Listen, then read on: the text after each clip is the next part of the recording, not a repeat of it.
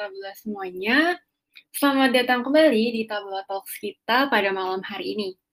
Sebelumnya perkenalkan, nama saya Bene yang akan jadi moderator di Tabula Talks hari ini. Nah, mungkin sambil kita nunggu teman-teman yang lain bergabung juga, teman-teman yang udah ada di sini boleh banget nih ke kolom komentar, terus kita saling berkenalan. Nanti boleh banget teman-teman sebutin nama, domisili, dan juga alasan teman-teman ikut Tabula Talks malam hari ini.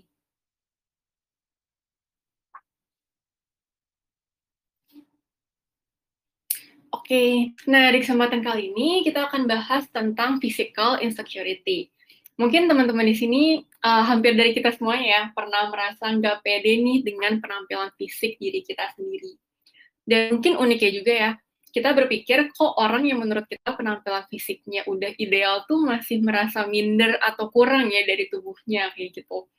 Nah, pastinya pembahasan kita hari ini bakal sangat menarik nih teman-teman jadi kalau nanti selama Tabula Talks ini berlangsung, teman-teman punya hal yang ingin didiskusikan atau ada pertanyaan, boleh banget disampaikan di kolom komentar supaya kita bisa diskusi bareng.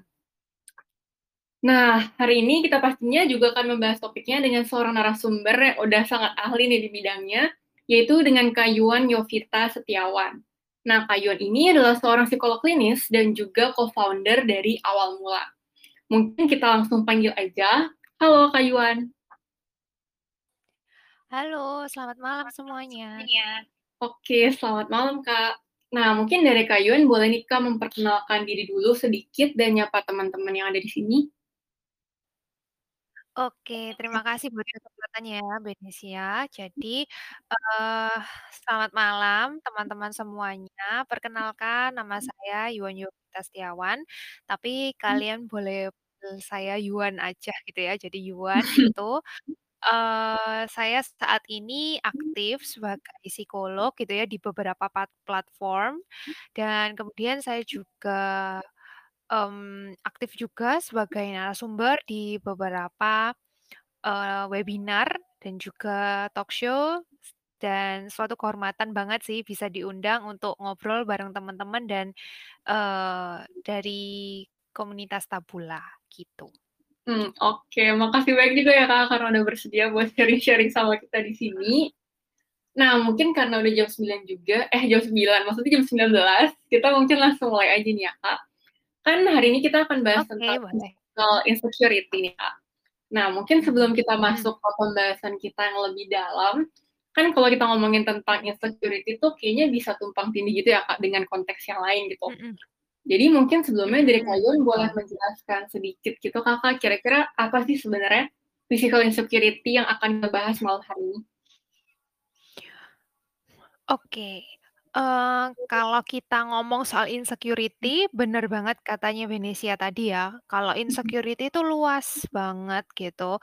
Uh, kita bisa insecure di di berbagai bidang kehidupan kita gitu kan. Tapi kalau misalnya kita kulitin dikit nih gitu ya, antara physical insecurities, kita tarik dulu pengertian insecurity itu sendiri, itu kan diartikan sebagai rasa nggak cukup gitu. Jadi ketika hmm. kita insecure, kita selalu ngerasa kayak nggak cukup baik dan nggak cukup bagus gitu. Tapi kalau kita uh, hubungkan dengan physical insecurity, uh, berarti pengertiannya adalah ketika seseorang merasa bahwa tubuhnya atau secara fisik dia nggak cukup baik gitu. Dia nggak cukup bagus, dia nggak cukup sempurna gitu ya. Atau bahkan mungkin dia nggak sesuai sama standar ideal. Jadi dia punya bayangan idealnya kayak apa gitu, tapi dia merasa bahwa secara fisik dan tubuhnya itu nggak sesuai sama bayangan idealisme kayak gitu. Hmm, oke. Berarti kalau hari ini kita lebih beneran fokus ke penampilan kita dan, um, apa ya, mungkin lebih ke hal-hal yang nggak berhubungan eh, maksudnya kita nggak menyapai, um, standar dan ekspektasi kita, kayak gitu ya, Kak? Mhm, betul.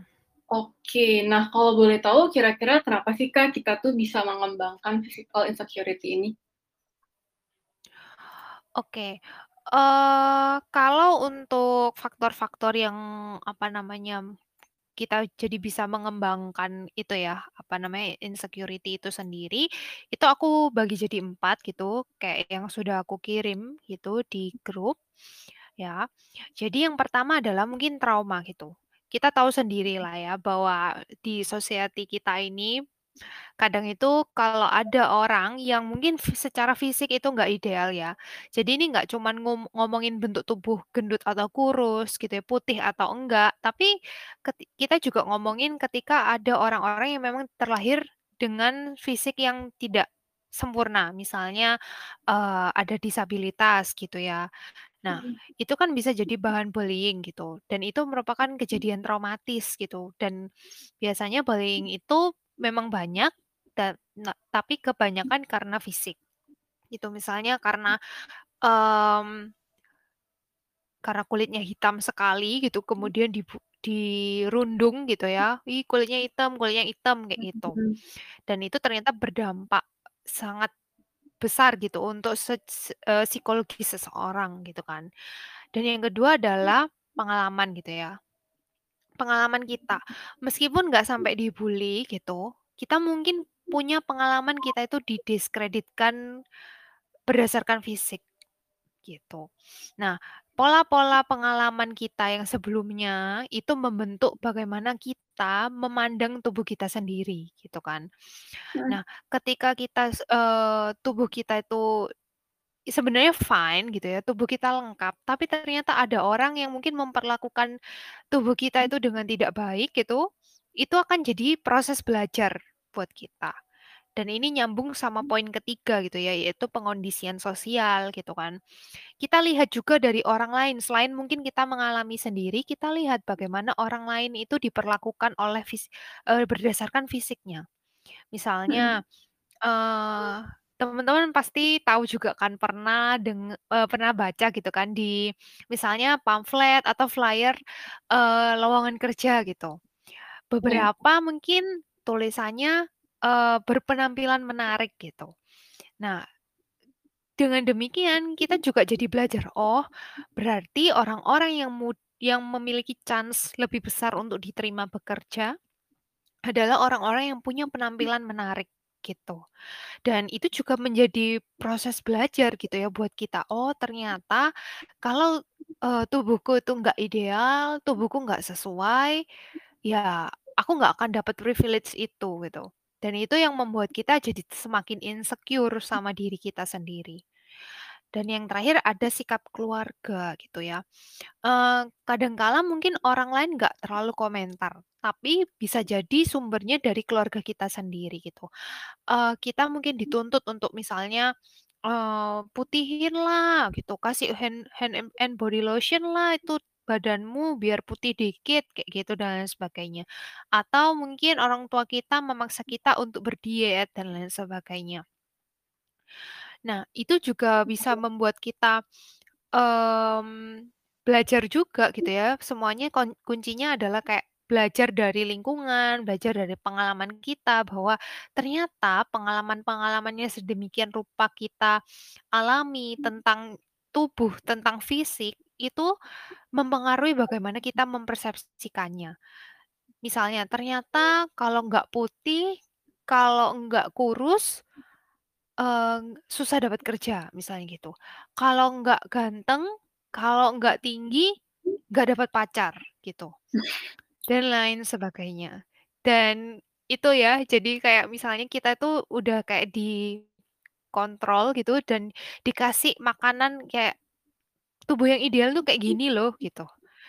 Untuk cowok seperti ini, tu untuk cewek seperti ini. Sehingga kita ter pa apa ya, eee, kayak memfokuskan Eee, pikiran kita atau goal kita ke sana terus nih gitu, padahal sebenarnya tubuh kita itu just fine, kayak gitu. Mmm, oke. Berarti emang faktor-faktor utamanya tuh terutama dari pengalaman ya, Kak? Entah itu yang dari dalam diri kita Mhm. sendiri maupun dari orang lain yang mengalami gitu.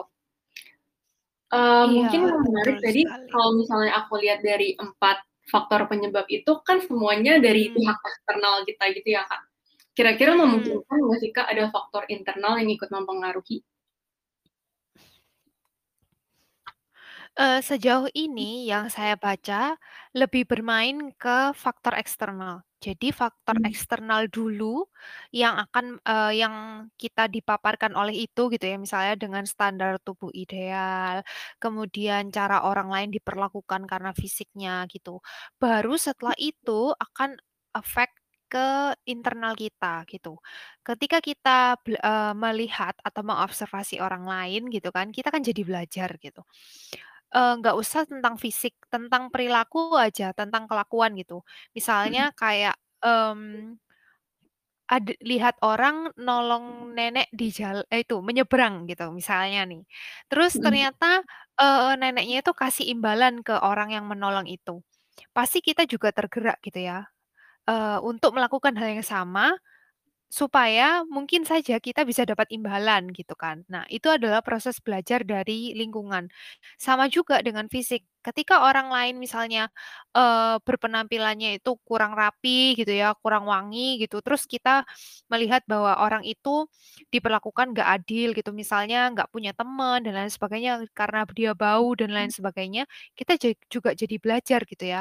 Kita, eee, punya framework gitu, kita punya bayangan dan punya pikiran, "Oh, aku harus wangi nih, aku harus Mhm. bersih nih, aku harus rapi," gitu, supaya aku dapat teman, supaya aku, eee, ada yang mau nemenin aku, mau ngajak ngobrol aku, kayak gitu. Oke, Kak. Berarti emang bener ya, Kak, utamanya dari proses belajar kita sama standar yang ada di lingkungan sosial kita gitu ya, Kak? Mhm. Oke. Nah, terus mungkin aku pengen nanya juga nih, Kak, kira-kira gimana sih, Kak, dampaknya kalau misalkan kita mengalami physical insecurity ini ke kesehatan mental kita? Oke, baik. Eee physical insecurity ini sebenarnya, eee, mempengaruhi banget ya terhadap kesehatan mental gitu. Karena Mhm. dari jurnal-jurnal yang aku baca, ternyata persepsi terhadap tubuh kita atau keadaan fisik kita, itu menjadi prediktor kesehatan mental gitu.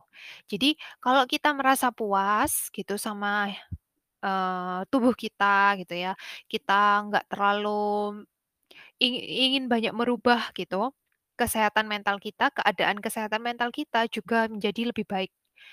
Nah, kalau misalnya bicara tentang efek-efeknya gitu ya, yang nggak terlalu parah mungkin ya yang mild gitu, eee, agak sedang gitu ya di kategori level sedang, itu kita bisa jadi nggak percaya diri, gitu. Kita mera self esteem kita rendah gitu. Kita nggak Mhm. yakin nih dengan penampilan kita, kayak minder gitu.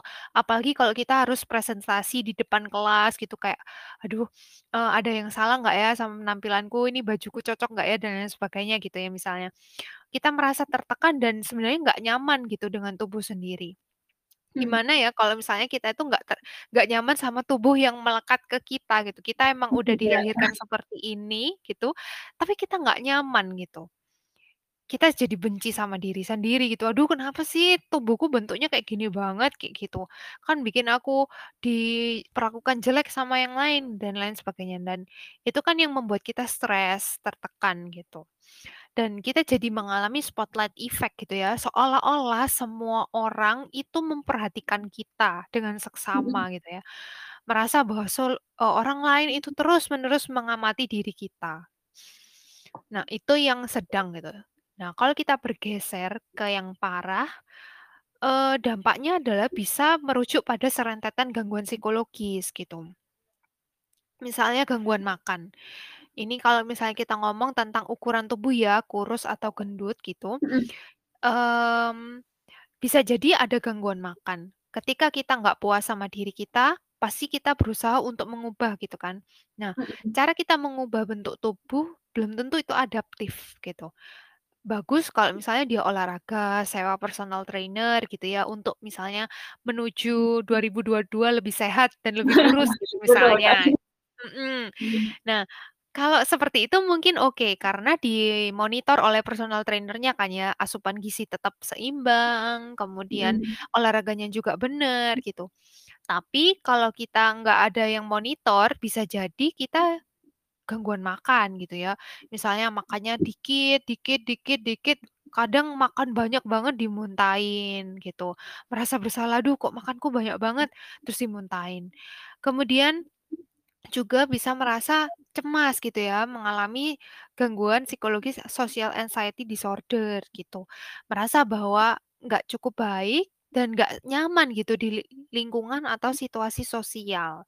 Akhirnya apa? Menarik diri, nggak mau keluar dari rumah, menghindari pertemuan-pertemuan offline, dan lain sebagainya. Bisa juga merujuk pada depresi dan gangguan kecemasan. Jadi benar-benar serius ya kalau dampaknya physical insecurity ini, Mhm itu. mhm. Oke, Kak. Eee, mungkin tadi aku pengen nanya sedikit juga, Kak, dari penjelasan Mhm. Kak Yuan, kan tadi ada yang dari tingkat sedang sampai yang udah lebih parah gitu ya, Kak, sampai bisa Mhm, patologis. mhm, Nah, kira-kira kita tuh bisa tahu dari mana sih, Kak, kira-kira kita udah ada di tingkatan yang mana? Oke. Eee, yang pertama mungkin kita bisa li deng apa namanya, checklist gitu ya ke diri kita sendiri. Kira-kira aku yang mana sih gitu. Kalau misalnya yang parah itu bisa di, mmm, tandai dengan perilaku-perilaku yang kita lakukan tuh semakin mengganggu keseharian kita gitu ya. Misalnya harusnya kita bisa sekolah offline atau kuliah offline atau kerja di kantor gitu, tapi kita nggak mau gitu, kita nggak nyaman, kita meng mengurung diri di rumah karena nggak nyaman sama tubuh kita sendiri, gitu. Yang yang kedua kemu kemudian ada perubahan pola kebiasaan kita. Yang biasanya kita senangi, misalnya hobi membaca, itu kita senang, jadi nggak senang. Kemudian, eee, biasanya suka nulis, jadi nggak suka nulis. Kemudian aktivitas keseharian kita untuk yang dasar gitu ya, misalnya untuk mandi, makan, dan lain sebagainya, itu juga jadi terganggu, Mhm. gitu. Nah, kalau sudah muncul gangguan-gangguan seperti itu, perilakunya mengganggu eee, aspek kehidupan ya di kerja atau sekolah dan pribadi di keluarga, nah itu perlu pertolongan khusus gitu dan itu bisa ditandain jadi lebih parah gitu ya. Mmm, oke. Oke, Kak, berarti selama itu physical insecurity-nya belum mengganggu fungsi kita sehari-hari gitu ya, Kak, itu masih nggak apa-apa Mhm, ya, Kak? betul. Ya, itu masih bisa ditangani gitu ya, dengan tentunya kita juga harus sadar gitu kalau misalnya kita mulai merasa, "Aduh aku insecure nih sama tubuhku sendiri," misalnya gitu, terus kita udah mulai nggak pede, self esteem-nya Mhm. rendah, merasa tertekan, nggak nyaman gitu, terus mungkin I hate myself gitu dan lain sebagainya. Nah itu, kalian harus cepat bertindak gitu ya, harus segera cari pertolongan, entah itu mungkin membaca dari Google gitu, tentunya dari situs-situs website yang memang kredibel atau meminta bantuan dari profesional seperti psikolog atau psikiater gitu. Mmm, oke, Kak. Nah, mungkin aku jadi tertarik juga nih, Kak. Kira-kira, Mhm. mmm, dari penjelasannya tadi ada yang sedang sama tinggi gitu, sebenarnya tuh wajar nggak sih, Kak, tapi kalau misalnya kita punya physical insecurity itu? Mmm, sebenarnya ya, ini jadi hal yang wajar karena mayoritas mengalami itu gitu. Mhm.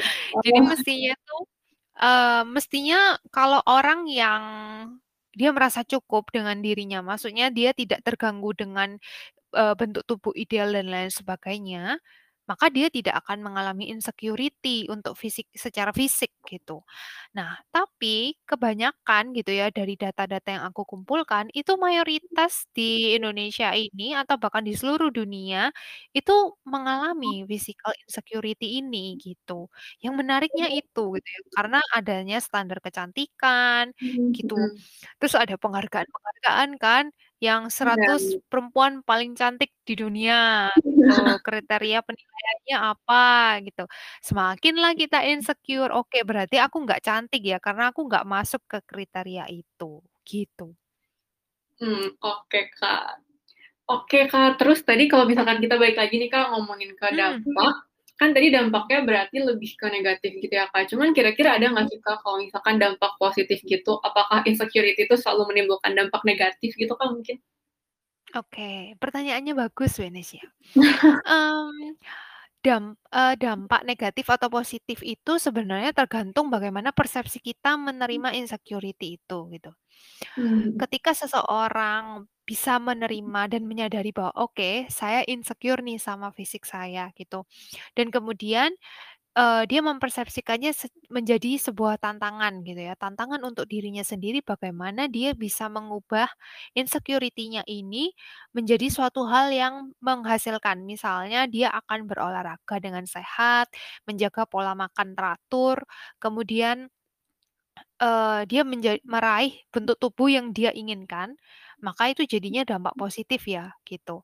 Tapi kalau misalnya hal it eee, insecurity itu malah membuat kita down, tidak produktif, tidak punya pikiran untuk mengubah diri kita untuk jadi lebih positif gitu ya, malah Mhm. mematikan potensi-potensi kita, maka itu bisa jadi negatif gitu.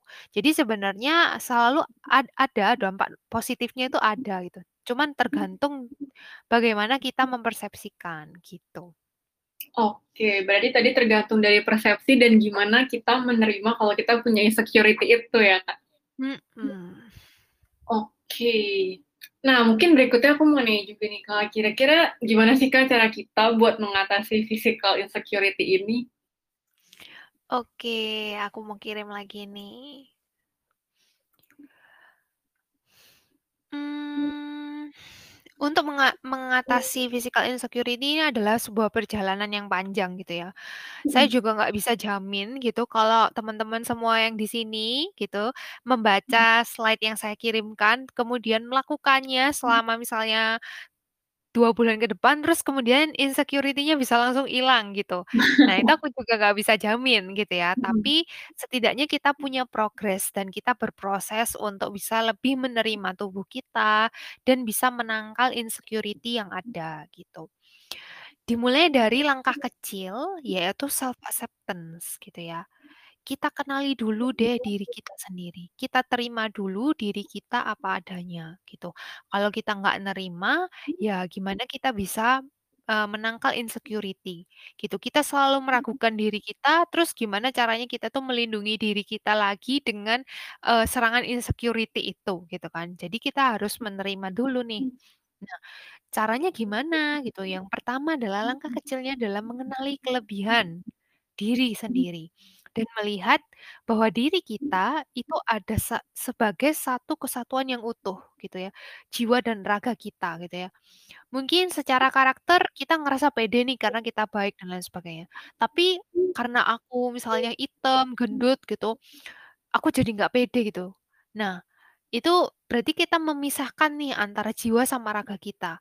Kalau misalnya kita jadikan satu, maka apa pun bentuk fisik kita, kalau kita pede sama karakter kita, maka kita memandang diri kita sebagai sosok yang baik dan itu yang sesuai sama keinginan kita gitu loh. Nah, kita kenali dulu nih kelebihan biasanya kan susah ya kalau misalnya kita, eee, disuruh nulis-tuliskan 5 kelebihan dirimu gitu, Iya, Kak. kita ya kan. Tapi kalau disuruh tuliskan 5 kekurangan dirimu, wah itu lancar nulisnya ya biasanya. Nah, kita latih nih, kita latih untuk kita itu bisa lebih positif terhadap diri kita sendiri. Setiap hari selalu sempatkan waktu 10 menit aja gitu ya, kemudian kita renungkan gitu, apa sih 5 hal baik yang sudah kita lakukan hari ini untuk diri kita sendiri. Nah, kelihatannya tuh sepele gitu, "Hah, ngapain ya kok disuruh nulis kayak gitu?" Gitu. Tapi dengan kita latihan seperti itu, pikiran kita itu dilatih, kognitif kita itu dilatih untuk kita itu bisa fokus ke hal-hal yang positif juga, gitu. Kalau selama ini kita cenderung yang negatif, kita latihan untuk jadi positif. Kemudian didukung apa? Didukung dengan afirmasi gitu ya, penguatan diri yang positif. Misalnya katakan pada diri sendiri, "Aku berhak bahagia, aku bisa dan akan berhasil, dan aku berharga apa adanya," gitu. Nah, itu bisa banget teman-teman, mmm, praktikkan gitu ya di rumah gitu ketika misalnya, mmm Lagi nganggur gitu ya, lagi nggak nggak ngapa-ngapain, lagi mager gitu, bisa tuh berdiri di depan cermin, baik itu laki-laki ataupun perempuan yang merasa insecure sama fisiknya, bisa mencoba cara afirmasi ini. Nah, itu se saya juga udah kirimkan gitu ya, contoh-contoh kalimat yang bisa dikatakan ke diri sendiri, gitu. Dan kemudian untuk Selanjutnya kita juga bisa nyoba nih gratitude journal gitu. Eee, bukan saya menghakimi orang-orang yang insecure itu adalah orang yang tidak pernah bersyukur gitu, bukan ya. Tapi dengan kita bersyukur, kita juga melatih kognitif dan pikiran kita untuk bisa melihat sisi positifnya, gitu. Kita bisa Kita bisa melihat melihat kita bisa belajar untuk bersyukur dari tubuh kita, gitu. Misalnya kita mensyukuri, eee, saya bersyukur mata saya bisa melihat dengan jelas, walau dengan bantuan kacamata. Saya bersyukur tangan saya masih bisa saya gerakkan dengan leluasa. Nah, kayak gitu-gitu, itu kita bisa diajak untuk melihat banyak kelebihan dari keterbatasan kita yang ada, seperti itu. Kemudian yang step kedua adalah mempraktikkan self love gitu ya. Self love itu apa sih gitu? Self love itu bukan berarti kita bisa makan, eee, coklat karena hanya karena kita suka coklat gitu, tapi kita ngabisin 10 bungkus gitu ya, bukan gitu. Mhm. Tapi self love adalah keadaan ketika kita mengapresiasi diri ya, dengan melakukan perilaku-perilaku yang membangun dan mengembangkan diri. Jadi kuncinya di sana. Kalau kita melatih diri kita, misalnya kita, eee, ikut les gitu, ikut les masak dan kita punya jadi punya keterampilan baru, maka kita berkembang. Nah, itu adalah self love gitu ya. Itu mencintai diri sendiri. Karena apa? Karena mengembangkan diri kita sendiri. Tapi kalau kita tidak kita melakukan suatu hal yang kita sukai, tapi sebenarnya tidak mengembangkan diri kita sendiri, hanya untuk misalnya seperti tadi ya, mak hanya karena kita suka coklat banget gitu dan kemudian kita makan 10 bungkus coklat gitu. Nah, itu kan malah merusak diri sendiri ya, karena kita bisa Mhm. ada kemungkinan diabetes gitu dan juga mungkin tenggorokannya jadi gatal dan lain sebagainya. Nah, itu jadi kadang itu orang keliru gitu ya, memahami self love itu apa, gitu. Nah, bisa dengan olahraga juga gitu. Olahraga menurut saya adalah salah satu bentuk self love gitu. Kenapa? Ya, karena kita bisa mengoptimalkan kinerja tubuh kita. Kalau kita mager, rebahan terus, ternyata organ-organ tubuh kita itu jadi lebih berat loh kerjanya gitu. Paru-paru kita nggak dilatih, jantung kita nggak dilatih gitu. Tapi dengan olahraga, semua organ kita dan otot-otot kita itu dilatih. Sehingga hasilnya adalah mengembangkan diri sendiri gitu. Maka itu bentuk self love gitu. Kemudian juga yang ketiga adalah mengubah mindset gitu ya teman-teman. Kita perlu sadar gitu ya bahwa insecurity itu sebenarnya cuman pikiran gitu ya. Dia tuh nggak bener-bener ada di nggak bener-bener ada di depan kita gitu ya. Kadang kita hanya berpikir dan berpikir saja gitu. Dia tuh cuman ada di pikiran kita gitu. Padahal pikiran itu sepenuhnya ada di dalam kendali kita gitu ya. Kita bisa kok mengusir pikiran kita itu jauh-jauh gitu. Kita bisa melihat bahwa sebenarnya standar ideal itu cuman palsu gitu ya. Karena nggak pernah ada orang yang lahir langsung, eee, sesuai dengan standar ideal kecantikan atau ketampanan gitu, atau punya fisik tub atau tubuh yang ideal gitu. Sebenarnya tuh hanya semu gitu kalau saya bilang. Kita perlu menanamkan bahwa keberadaan diri kita itu bukan suatu hal yang salah dan kita memang diciptakan beraneka ragam gitu ya. Me memang diciptakan oleh Yang Maha Kuasa seperti ini gitu dan kita nggak bisa menghakimi bahwa ini salah, itu yang benar, ini yang ideal, ini yang enggak gitu. Jadi itu kita perlu pahami bahwa sebenarnya standar ideal itu apa. Itu Ng semu gitu loh. Nggak maksudnya secara natural kita tidak kita tidak selalu dilahirkan seperti itu, gitu. Nah, kita harus aware juga gitu ya. Kalau kita harus aware sama pola-pola pikiran kita yang keliru tentang tubuh gitu. Misalnya kalau lagi ngaca gitu, lalu kita udah mulai fokus sama hal-hal yang kecil-kecil yang misalnya, "Uh, kok mataku tinggi sebelah ya?" Gitu. "Oh, kok kecil sebelah," gitu gitu. Nah, itu kita harus stop gitu. "Eits, ternyata aku mulai insecure nih sama tubuhku sendiri," gitu. Nah, itu harus di segera diberhentikan gitu pikirannya. Dan kemudian yang terakhir adalah, eee, menjadi cendekiawan gitu ya. nggak bisa dipungkiri bahwa ternyata, eee, physical insecurities tuh paling banyak dipengaruhi oleh media sosial, gitu. Mhm. Misalnya nih, eee, i tit gitu ya, i titik tit am gitu kan, itu di media sosial itu, itu kan kita sering banyak dipaparkan oleh visual-visual gitu ya, oleh foto-foto orang yang cantik, tampan, atau yang nggak Mhm. cantik tapi paling nggak itu menarik dan lain-lain sebagainya gitu. Atau mungkin kita mulai insecure sama, eee, hidupnya orang lain kah, atau hidupnya teman lah dan lain-lain sebagainya. Nah, kita perlu jadi penonton atau pengguna sosmed yang bijaksana gitu ya. Kita perlu membatasi, gitu. Kalau memang kita merasa menggunakan media sosial itu malah membuat kita semakin parah insecurity-nya, maka silakan dibinasakan media sosialnya, gitu. Oke. Misalnya di-uninstall ya, atau membuat jam-jam khusus di mana kita melihat media sosial, gitu. Kenapa? Karena sebenarnya itu ada di lingkaran kendali kita, gitu ya. Eee, bagaimana cara kita merespons orang lain, bagaimana cara kita itu untuk, eee, menghindari, mmm, subjek-subjek atau topik-topik yang membuat kita insecure, itu ada di ba di bawah lingkaran kendali kita. Kita bisa kok, kita punya pilihan untuk terus melihat gambar itu, konten itu, dan kita insecure, atau kita bisa memilih untuk keluar dari media sosial itu dan tidak lagi melihat media sosial itu. Kalau memang kita menjadi insecure karena medsos, gitu. Eee, itu aja sih yang mau aku sampaikan untuk cara-cara Mhm. kita menangkal physical insecurity. Oke, thank you Kak Yuan. Berarti tadi ada 4 ya Kak cara utamanya, dari self acceptance, self love, ngubah mindset, dan menjadi cendekiawan.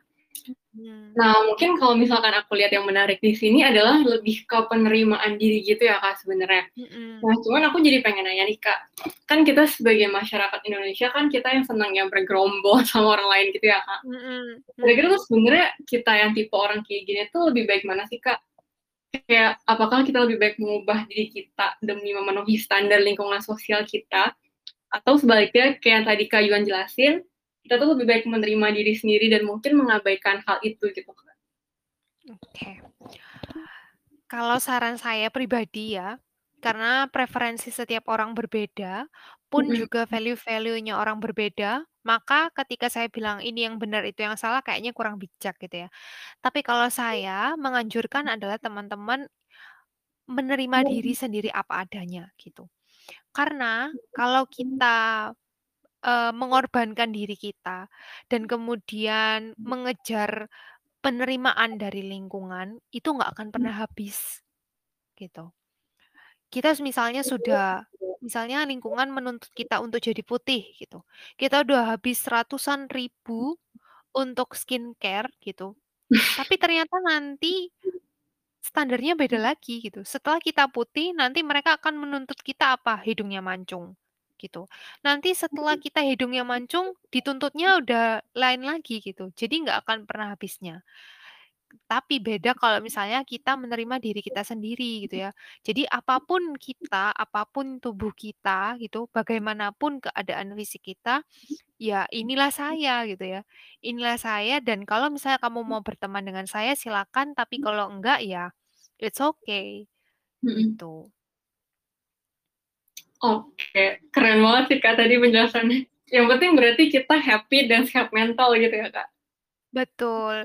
Kalau kita nerima diri sendiri gitu ya, apa pun kata-kata orang lain kita bisa filter, gitu. Eee, ini ada gambar bagus nih saya nemu. Mhm.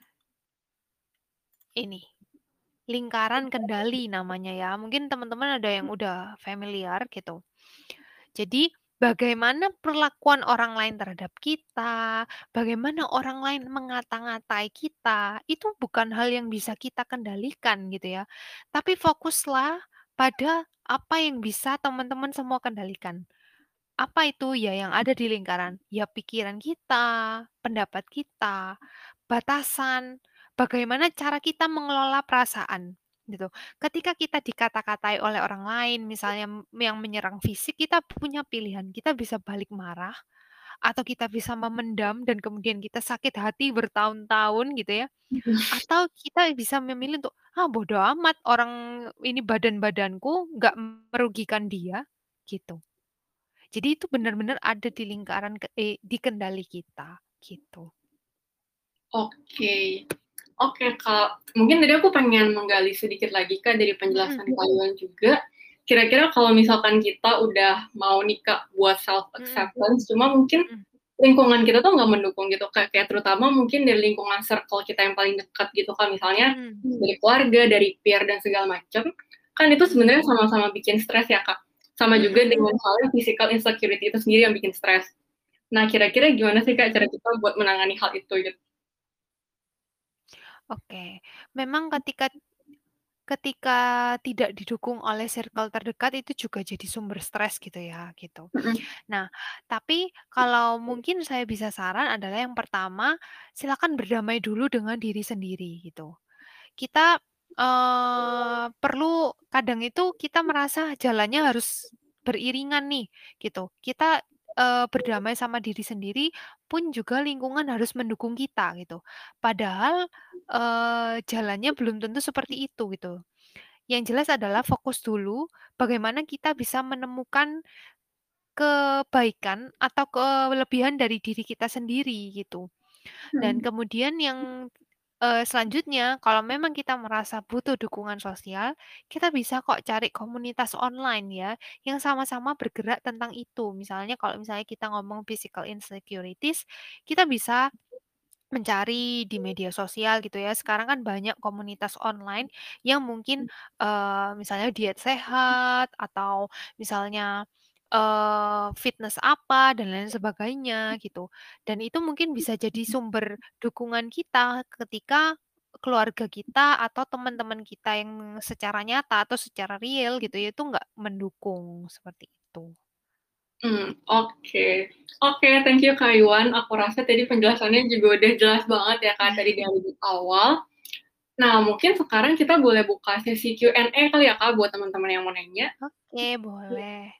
Oke, boleh nih teman-teman kalau misalnya ada yang mau didiskusikan atau ditanyain Kak Iwan, boleh banget buat ngetik di kolom komentar. Atau kalau teman-teman mau on mic dan ngomong langsung ke Kak Iwan juga boleh banget nih. Silakan teman-teman kalau ada yang mau bertanya.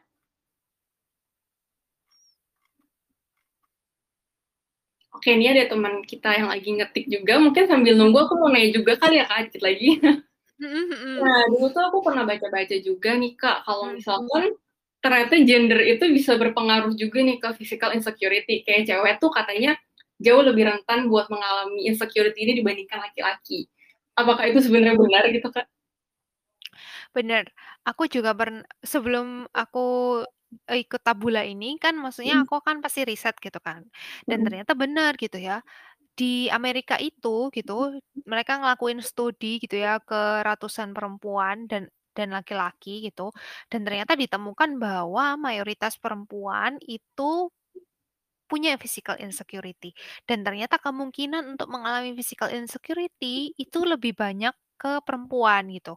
Mhm. Setelah aku cari tahu jawabannya adalah karena selama ini perempuan itu cenderung dijadikan objek kayak kecantikan gitu. Mhm. Ikon-ikon kecantikan gitu dan lain sebagainya. Kalau misalnya iklan modeling, iklan iklan sampo atau iklan sabun gitu kan, Mhm. biasanya kita pakai yang perempuan.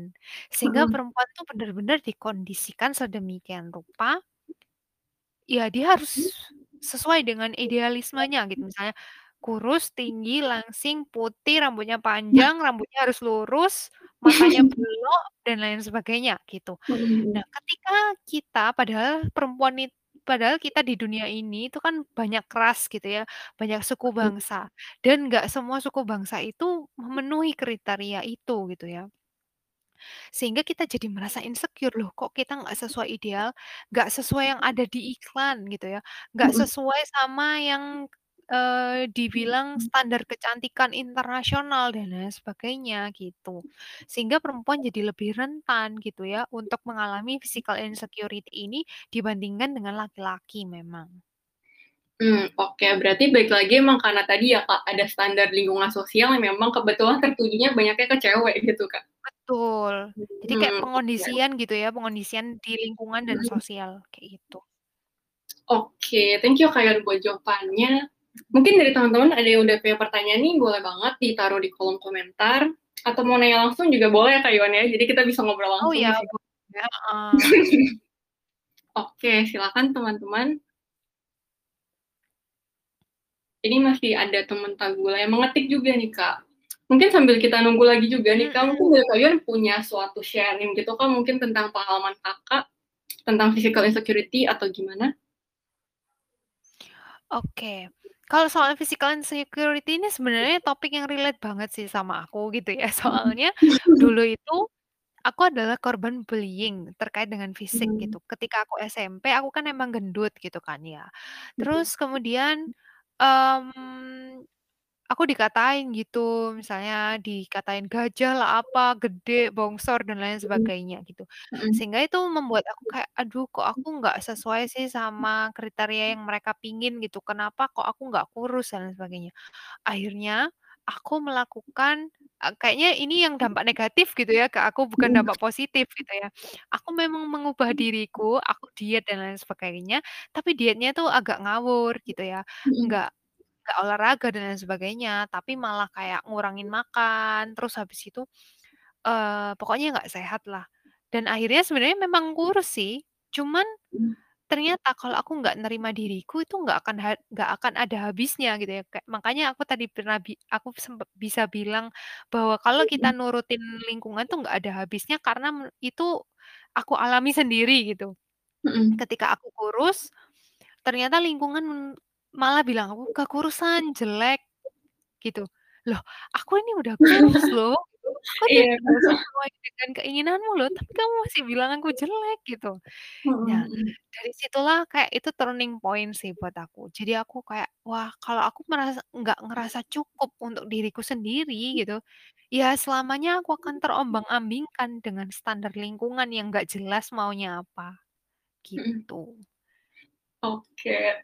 Wah, pengalamannya luar biasa banget nih ya, Kak. Berarti memang self acceptance itu yang paling utama ya, Kak, supaya kita nggak Iya, insecure lagi. mhm. Mhm. Oke. Nah, ini udah ada pertanyaan nih, Kak, dari Kak Yolampe di kolom chat, ini aku bacain ya. Kak. Oh boleh. mau nanya gimana sih caranya percaya diri sama diri sendiri dari segala hal? Kadang aku nggak pede sama diri sendiri, aku lagi aku lagi main nih sama teman ke kafe gitu kan makan minum dan lain-lain. Nah, sebelum aku bilang ke temanku, "Ih rame lu pindah aja yuk jangan di sini, cari tempat lain aja yang sepi dan nggak ada cowoknya." Aku paling benci rame, Kak, nggak tahu kenapa yang ada di pikiranku kayak, "Ih nanti dia bakal gini-gini ke aku," apalagi dari segi muka sama fashion-ku. Sebenarnya bukan nggak bersyukur sih, Kak. Ya, soalnya pernah main ke tempat rame gitu, terus dikatain, "Ih, kok pakaian dia gitu ya, muka dia gitu ya." Jadi sampai sekarang pasti selalu nanya ke diri sendiri, "Nanti aku dibilang gini-gini nggak ya kalau aku kayak gitu?" Oke, nah menurut Kak Yuan mungkin pendapatnya gimana nih, Kak? Oke, ini tadi udah yang kayak maksudnya ma masuk ke level itu ya, kayak yang Mhm. mild gitu ya, yang spotlight effect gitu. Jadi seolah-olah memang orang lain tuh merhatiin kita sampai sebegitunya, gitu. Nah, mmm, kalau untuk Kak Yohan, mungkin bisa coba ya untuk yang mulai self acceptance gitu. Apakah kalau misalnya muka kita nggak cocok sama fashion kita, terus kita jadi orang yang berharga atau eh, nggak berharga, Mhm mhm. atau kita jadi orang yang misalnya eee, buronan gitu gitu kan, misalnya itu ekstrimnya gitu kan ya. Apakah kita menjadi seperti itu gitu ya? Enggak kan gitu. Mhm. Seolah-olah keberhargaan diri kita, kita yang utuh, kita yang misalnya pintar, kita yang misalnya baik hati dan tulus menolong dan dan lain sebagainya, itu kalau kalau lingkungan memperlakukan kita tuh seolah-olah kayak nggak ada harganya gitu loh. Kita cuma dinilai berdasarkan penampilan kita, gitu. Nah, untuk Kak Yolan gitu, saya paham sekali bahwa pena eee, penilaian lingkungan tuh sangat mengganggu gitu ya, gitu. Mereka eee, mereka itu nggak ikut hidup kita, nggak nggak apa namanya, tidak kita juga tidak mengganggu mereka, tapi mereka bisa melemparkan komentar yang menurut saya cukup pedas kayak gitu, dan saya Mhm. paham pasti itu sangat mengganggu perasaan gitu. Nah, cuman Balik lagi yang saya tekankan adalah pentingnya untuk self acceptance dan self love gitu. Karena kalau kita nggak merasa cukup sama diri kita sendiri, ya nggak akan ada yang bisa mencukupkan diri kita gitu. Sekeras apa pun misal Kak Yolan untuk mencoba memenuhi standar, misalnya selalu misalnya ke Alfamart aja selalu pakai fashion yang wow gitu misalnya gitu ya, karena takut dengan dikatain orang lain, orang lain tetap akan mengatai kita gitu. Misalnya karena kita ke kafe, terus kita pakainya misalnya pakai, eee, piyama gitu ya, terus kita dikatain, terus selanjutnya, eee, kita nggak pakai piyama pun, pakai fashion lain pun, kita juga akan tetap mendapatkan perkataan dari orang lain gitu, yang tidak bisa kita kendalikan gitu. Jadi lebih baik kita fokus ke lingkaran kendali tadi ya, yang bisa kita kendalikan adalah bagaimana persepsi kita, pikiran kita, dan bagaimana cara kita menerima dan merasa cukup untuk diri kita sendiri. Itu sih Kak Yolan. Susah sih memang, tapi patut untuk dicoba gitu. Oke, makasih Kak Yuan buat tadi penjelasannya keren banget. Tadi aku pengen meng-highlight satu juga sih Kak. Berarti fisik itu emang gak menentukan self worth kita gitu ya Kak? Betul. Oke. Betul. Oke, keren banget tuh Kak tadi penyataannya. Nah, ini udah ada banyak juga nih Kak yang nanya, ada dua orang lagi. Ini aku bacain lagi ya Kak. Mhm. Kalau Kak aku mau nanya, gimana caranya ngebedain antara orang yang insecure dengan orang yang emang mau punya fisik yang oke aja secara positif? Karena kan dua-duanya sama-sama mau ngincer fisik yang lebih ideal. Mau lebih sehat, akan cemas kalau berat badan terlalu tinggi atau rendah. Oke, gimana nih Kak menurut Kak Iwan? Oke. Kalau mau punya fisik yang oke, ya eee, saya rasa pasti pengetahuan tentang nutrisi dan lain sebagainya, itu juga diketahui gitu kan ya. Nah, ketika muncul kecemasan gitu misalnya nih, "Aduh, ya ampun kelebihan protein gimana nih?" Nah, itu dipertanyakan gitu ya, apakah kamu menjaga fisikmu ini, itu dengan secukupnya atau ternyata kamu tuh menjadi obsesi untuk menjaga semuanya itu men dalam suatu keseimbangan, gitu. Apakah kalau sehari ini misalnya kelebihan protein nih, terus kamu akan gagal dietnya atau gagal programnya? Kayak gitu. Jadi kalau misalnya kita muncul kecemasan, muncul ketakutan-ketakutan, itu kita perlu pertanyakan, apakah eee, yang kita jalani ini itu masih tetap on track atau kita tuh terlalu invest lebih ternyata, kita terlalu masuk dan sampai akhirnya jadi obsesi gitu. Nah, kalau yang insecure ya kita merasa nggak pede gitu ya. Eee, berasal berawal dari ketidakpercayaan diri gitu, berawal dari kita nggak puas sama tubuh kita sendiri. Dan biasanya kalau dibandingkan dengan orang yang mau punya fisik yang oke, biasanya dia akan merasa, "Ya kayaknya aku perlu lebih sehat nih," gitu. Sedangkan kalau orang insecure biasanya akan, "Aku mau diet, tapi untuk siapa?" Gitu. Biasanya dia akan bilang, "Aku aku akan diet supaya orang lain yang ngatain aku gendut kapan hari itu menyesal," gitu. "Aku mau kurus biar yang aku dianggap cantik oleh lingkungan," gitu. Jadi sebenarnya investasinya bukan ke diri sendiri, tapi supaya orang lain memandang dia bagaimana, itu kalau insecure, gitu. Oke, thank you Kak Yon buat jawabannya, kayak tadi udah jelas banget juga ya Kak. Semoga tadi menjawab juga Mhm. buat Kak Marcel. Ini ada pertanyaan lagi Kak. Eee, "Halo Kak, selamat malam, aku pengen nanya, aku waktu SMP pernah dibully karena gemuk. Setiap lewat kelas lain sering dibilang Atun, tokoh di film Sidul. Nah dari sana secara nggak langsung aku nggak mau difoto dan nggak suka difoto karena aku insecure sama penampilanku. Sampai Mhm. sekarang anti banget buat difoto. Terus aku juga nggak tahu kenapa setiap stres malah nambah berat badan, padahal aku bukan tipe yang suka ngemil.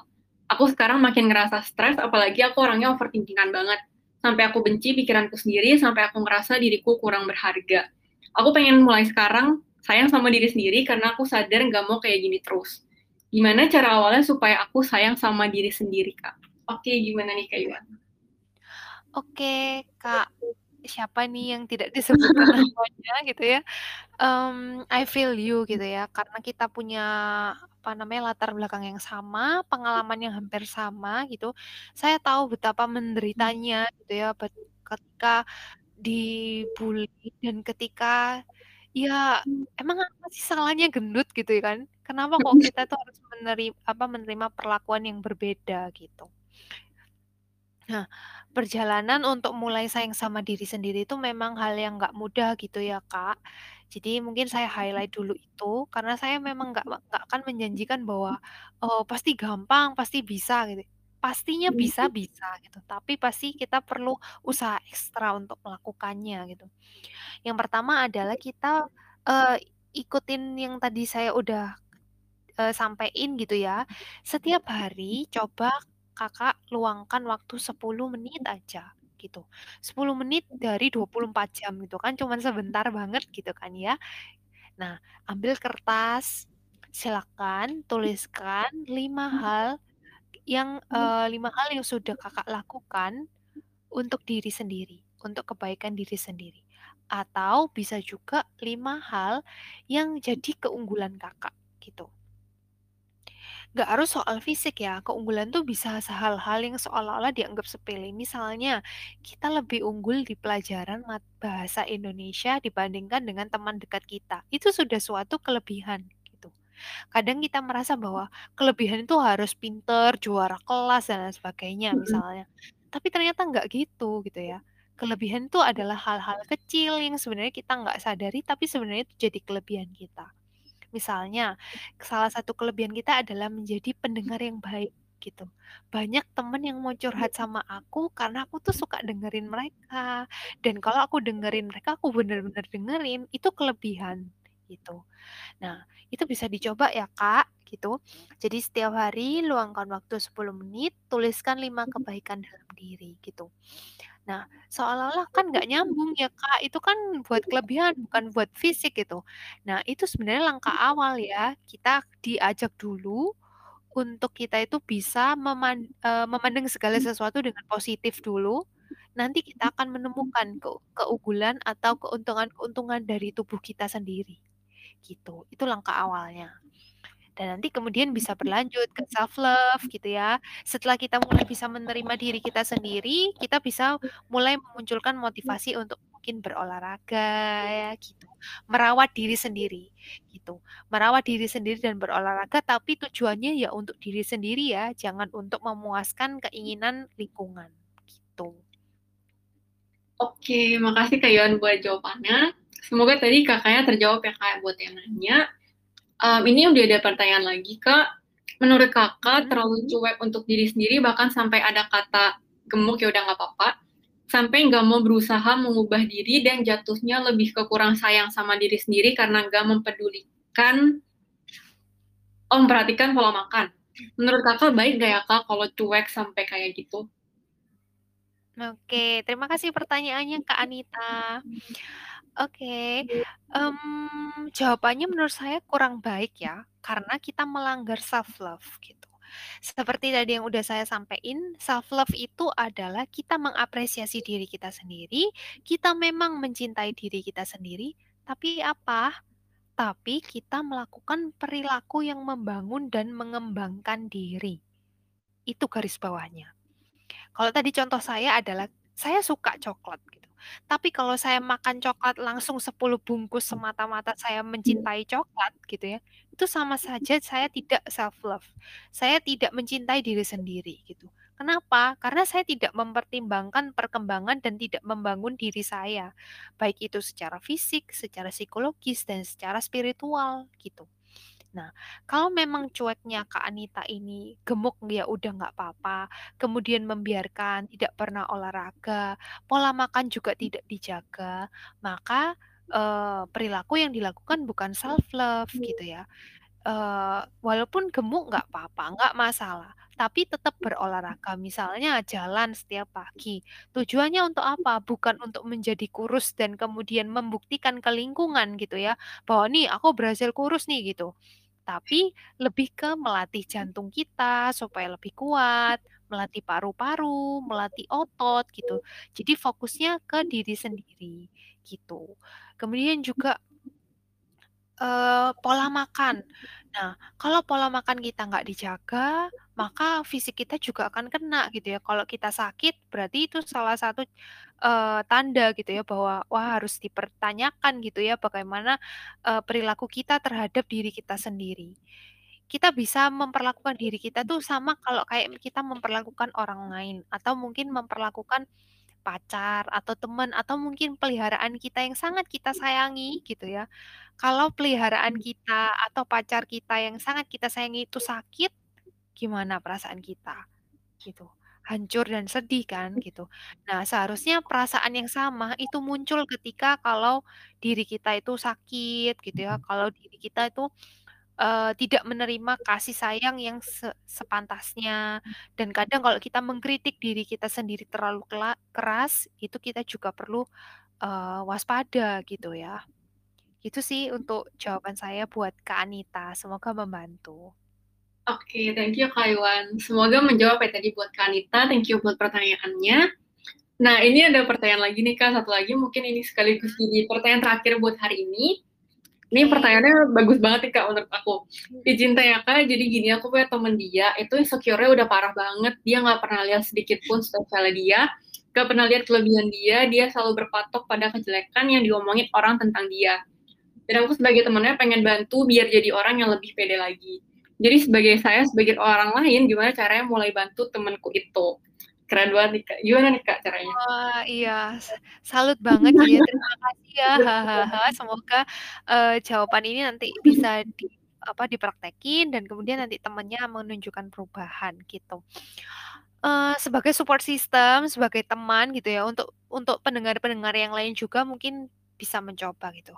Coba kalian melakukan apresiasi atas kelebihan dan juga perilaku-perilaku baik mereka gitu. Terkadang mereka itu mereka kan uh, terlalu fokus ya sama kejelekan-kejelekannya dan apa yang mereka nggak miliki gitu.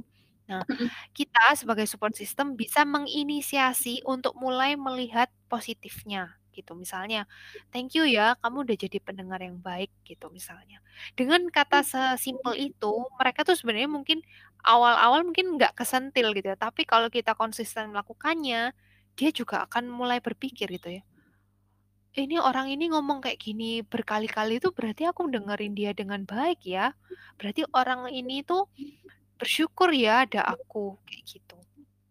Nah, kemudian selain melakukan apresiasi pada hal-hal kecil gitu ya yang dia lakukan, hal-hal positif yang dia lakukan, kebaikan-kebaikan atau keunggulan dia, kamu juga bisa mulai untuk uh, men-challenge gitu men-challenge pikiran-pikiran dia yang negatif. Misalnya kayak tadi ya gitu, uh, kam kalian uh, kamu bisa tanya gitu ya, "Apa sih yang membuat kamu tuh sangat concern sama omongannya orang itu?" Gitu.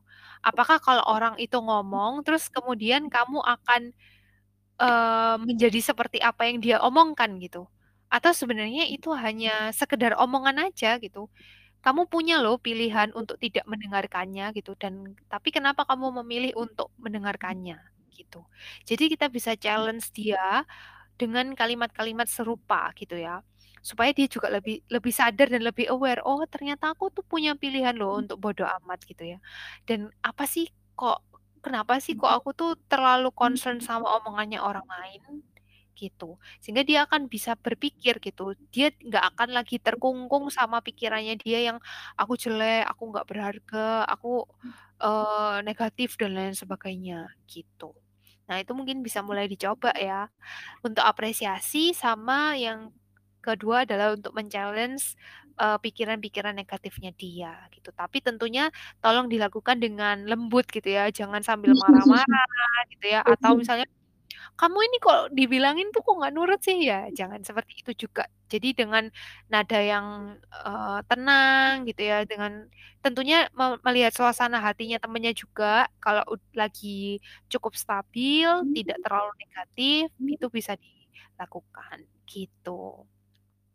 Oke, thank you Kak Iwan. Semoga tadi terjawab ya buat kakaknya. Dan makasih juga Kak buat pertanyaannya, karena mengingatkan kita lagi ya kalau kita ternyata juga bisa loh jadi support system buat orang lain. Betul. Oke, nah karena udah jam 8 juga, um, kita tutup dulu ya Kak dan teman-teman sesi Q&A hari ini. Nah, sebelum kita nutup sesi hari ini, ada beberapa pengumuman juga nih teman-teman dari Tabula. Buat tadi teman-teman yang belum berkesempatan mungkin buat bertanya dan mau konsultasi langsung nih terkait topik hari ini, Tabula sedang ada layanan konseling nih teman-teman bersama dengan konselor asosiat. Kita juga lagi ada promo nih teman-teman dari harga 70.000 jadi 35.000 aja. Buat info ya teman-teman bisa langsung aja cek ke Instagram Tabula atau teman-teman bisa langsung daftar via link yang nanti akan aku kasih di kolom komentar. Nah, kalau misalkan teman-teman juga masih mikir-mikir nih kalau mungkin harus bayar, Nah, teman-teman bisa juga nih ikutan giveaway Tabula Talks hari ini. Nanti dua orang pemenang itu akan mendapatkan free sesi konseling selama 45 menit dengan konselor asosiatnya Tabula. Caranya juga gampang banget, nanti teman-teman tinggal follow aja akun tabula.id di Instagram, terus silakan post di Instastory manfaat yang didapat selama ikut Tabula Talks hari ini, dan jangan lupa juga buat tag akun Tabula dan tiga teman kamu yang dirasa akan mendapat manfaat dari Tabula Talks hari ini. Nah, nanti untuk pemenangnya akan diumumkan dan dihubungi oleh admin Tabula melalui DM Instagram. Nah, nanti instruksi giveaway-nya juga akan aku kasih di kolom komentar bersama link sertifikat yang bisa teman-teman isi sampai besok jam 12 siang. Oke, sekian pengumuman dari Tabula. Mungkin dari Kayun boleh nih Kak memberikan sedikit kata penutup buat teman-teman di sini? Oke, aku mau kasih quotes nih. Oke. aku mau kasih quotes karena mungkin aku nggak pandai berkata-kata untuk buat quotes gitu ya. Uh, intinya adalah tubuh teman-teman itu berharga semua gitu ya. Apa pun bentuk tubuhnya, apa pun warnanya, apa pun ukurannya, meskipun tidak lengkap sekalipun gitu ya, tubuh teman-teman itu berharga dan tubuh teman-teman itulah yang menemani teman-teman dari teman-teman kecil sampai sekarang gitu. Jadi itu sudah sempurna seperti apa adanya gitu. Kita hanya perlu lebih menerima, kita hanya perlu lebih uh, mencintai tubuh kita yang seperti apa adanya itu. Sekian uh, quotes dari saya. Oke, terima kasih Kak Yun buat quotes yang sangat keren. Um, paling aku juga mau mewakili tim Tabula. Sekali lagi mau ngucapin makasih banyak nih Kak, Kayuan karena udah bersedia buat ngobrol-ngobrol dan sharing-sharing sama kita di sini. Dan makasih banyak juga buat teman-teman semuanya yang udah hadir dari awal sampai akhir mendengarkan Tabula Talks hari ini. Nah, untuk sekarang sesinya udah berakhir. Makasih banyak teman-teman semuanya dan sampai jumpa di Tabula Talks yang berikutnya. Selamat malam Sabtu, teman-teman. Terima kasih.